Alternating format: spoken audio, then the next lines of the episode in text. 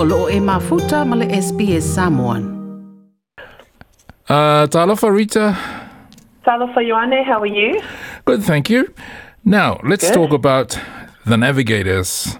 Explorer, the Palangi explorer by the name of, um, I think it was um, Jacob Roggeveen, uh, Dutch guy, called um, us, called the Samoan group of islands the Navigators The Islands. Navigator Yeah, Island. right? Yes. Yep. Uh, but your navigators program or your navigators group is not doing the same kind of navigating, are you? What are you navigating? What are you navigating?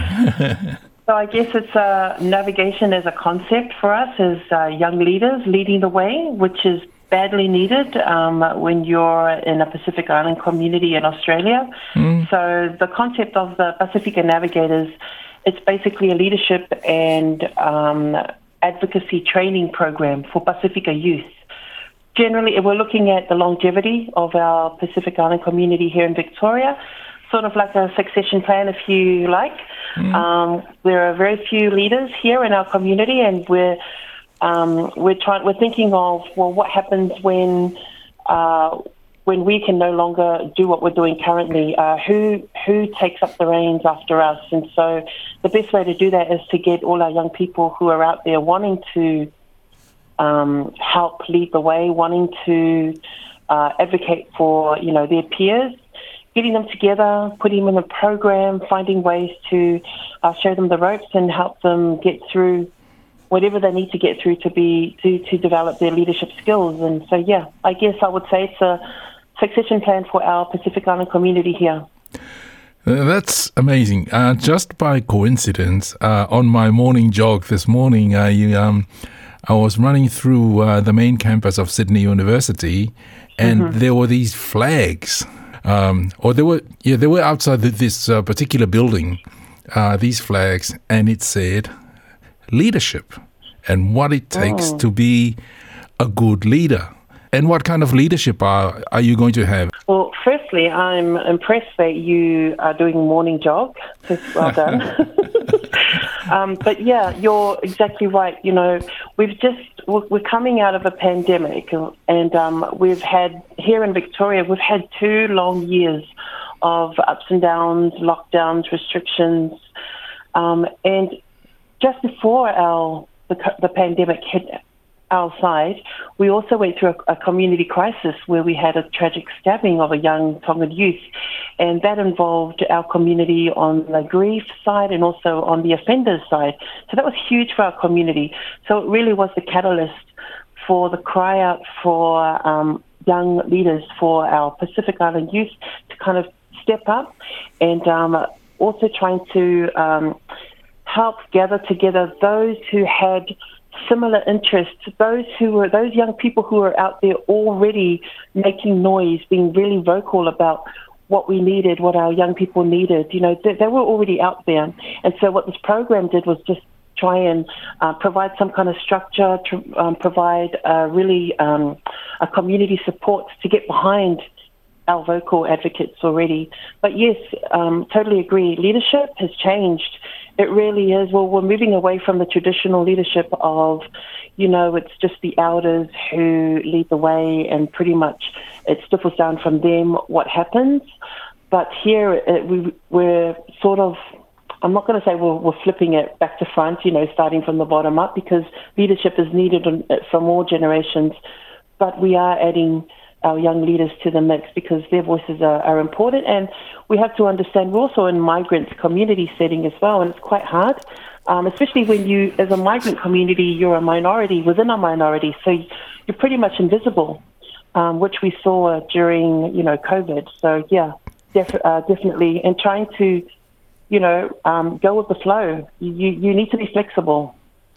I wrote a paper uh, that was published in a book on um, leadership uh, in migrant communities, and I wrote the chapter on uh, leadership um, community groups here in Sydney. And I remember one of the um, the most important parts in that um, in that piece was the discovery that when um, the community started here in Sydney, it was mainly the church. And then after a while, the leadership of the of the church or the Whaiwhiau handed over the leadership of the community groups. Uh, th- this was this was mainly the um, Samoan Advisory Council to um, secular leaders. And uh, the running of the organization was um, basically, and you know, of course, it had a constitution, and then um, uh, and um, it was mainly very much along Samoan lines. Yeah. Uh, the, the question is is that still relevant today? Um, can you talk about that kind of leadership still being active and still being Yeah. effective today in uh, in Victoria, in Sydney, in Brisbane, in Perth, or wherever? Or isn't it time now to actually talk about leadership in a completely different way? I, my personal thoughts on that is that yes, it is still relevant, but to a certain extent. Um, you know, back in the early migrant years, there there was a huge focus on um, settling everybody. You know, figuring out where all the groups were, um, what suburbs, uh, where the churches were growing, church membership. Um, there was a focus on growing the church groups, trying to find ways to settle everybody. Um, you know, in those early years. Today, though, our communities are pretty much settled, well and truly settled, um, and we have generations of Pacific children who are actually born and bred in Australia, um, have never, you know, set foot in the Pacific Islands, and so you have to, you know, I I would say that the traditional leadership is still relevant to a certain extent, but it's a, a hybrid type of leadership. You know, there are so many other different issues, um, uh, issues that are, are, are much larger than, uh, uh, more more uh, different to the issues that you would face if you were, you know, say in the homeland. We're talking about um, also interracial marriages. We're, we're true, well and truly mixing with very different um, nations and cultures you know, than the Pacific Island or Pacific Islander Balangi type of marriages. You know, there's so much more to the mix. There are a lot of things that are happening in the world today. Um, and, you know, all these modern problems. And so you've got to come, you've got to bring to the table a modern type of leadership, but you've also got to work with the old because I know that having our elders in the community, it's so important to still have them there because our young people truly respect them and they do.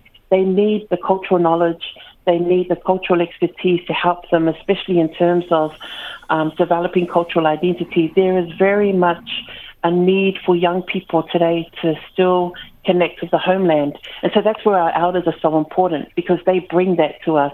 However, on the other side, we're also looking to Pacific Island professionals those who are working in, in relevant spaces such as youth work in the prisons, working in healthcare, um, mental health, our elders may not be in those spaces, but our professionals, those community members who are professionals, are in those spaces.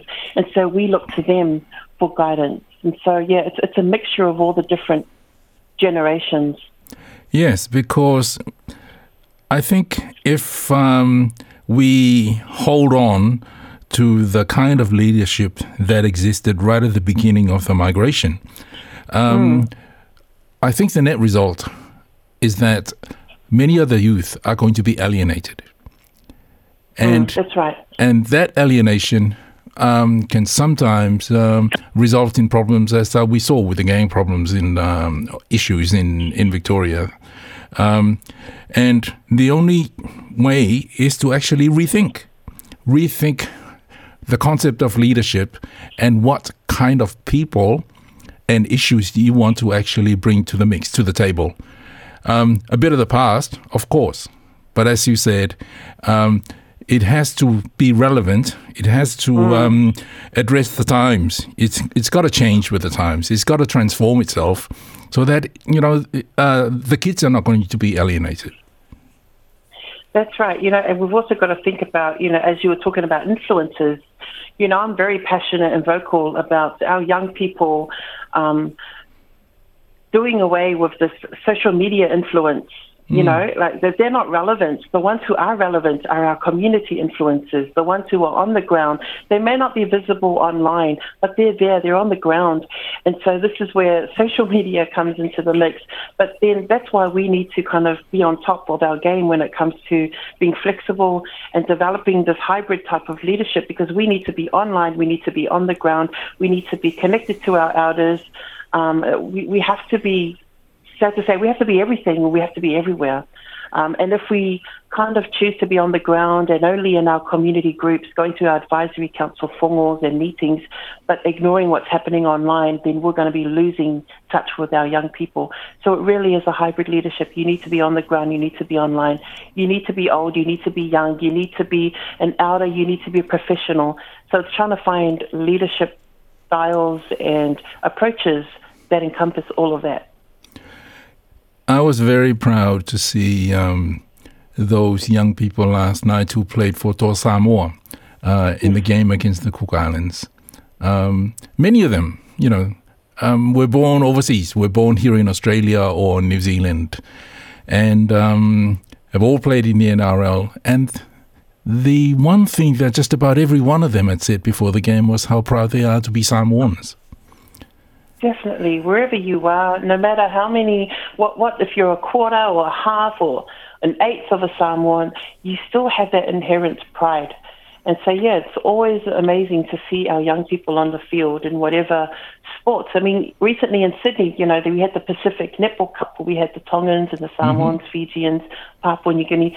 It was great. And, you know, a lot of those girls, a lot of the players were from Australia and New Zealand weren't necessarily from the homeland, but the pride was still the same, which is amazing. Yeah, and um, your young Malia was one of them.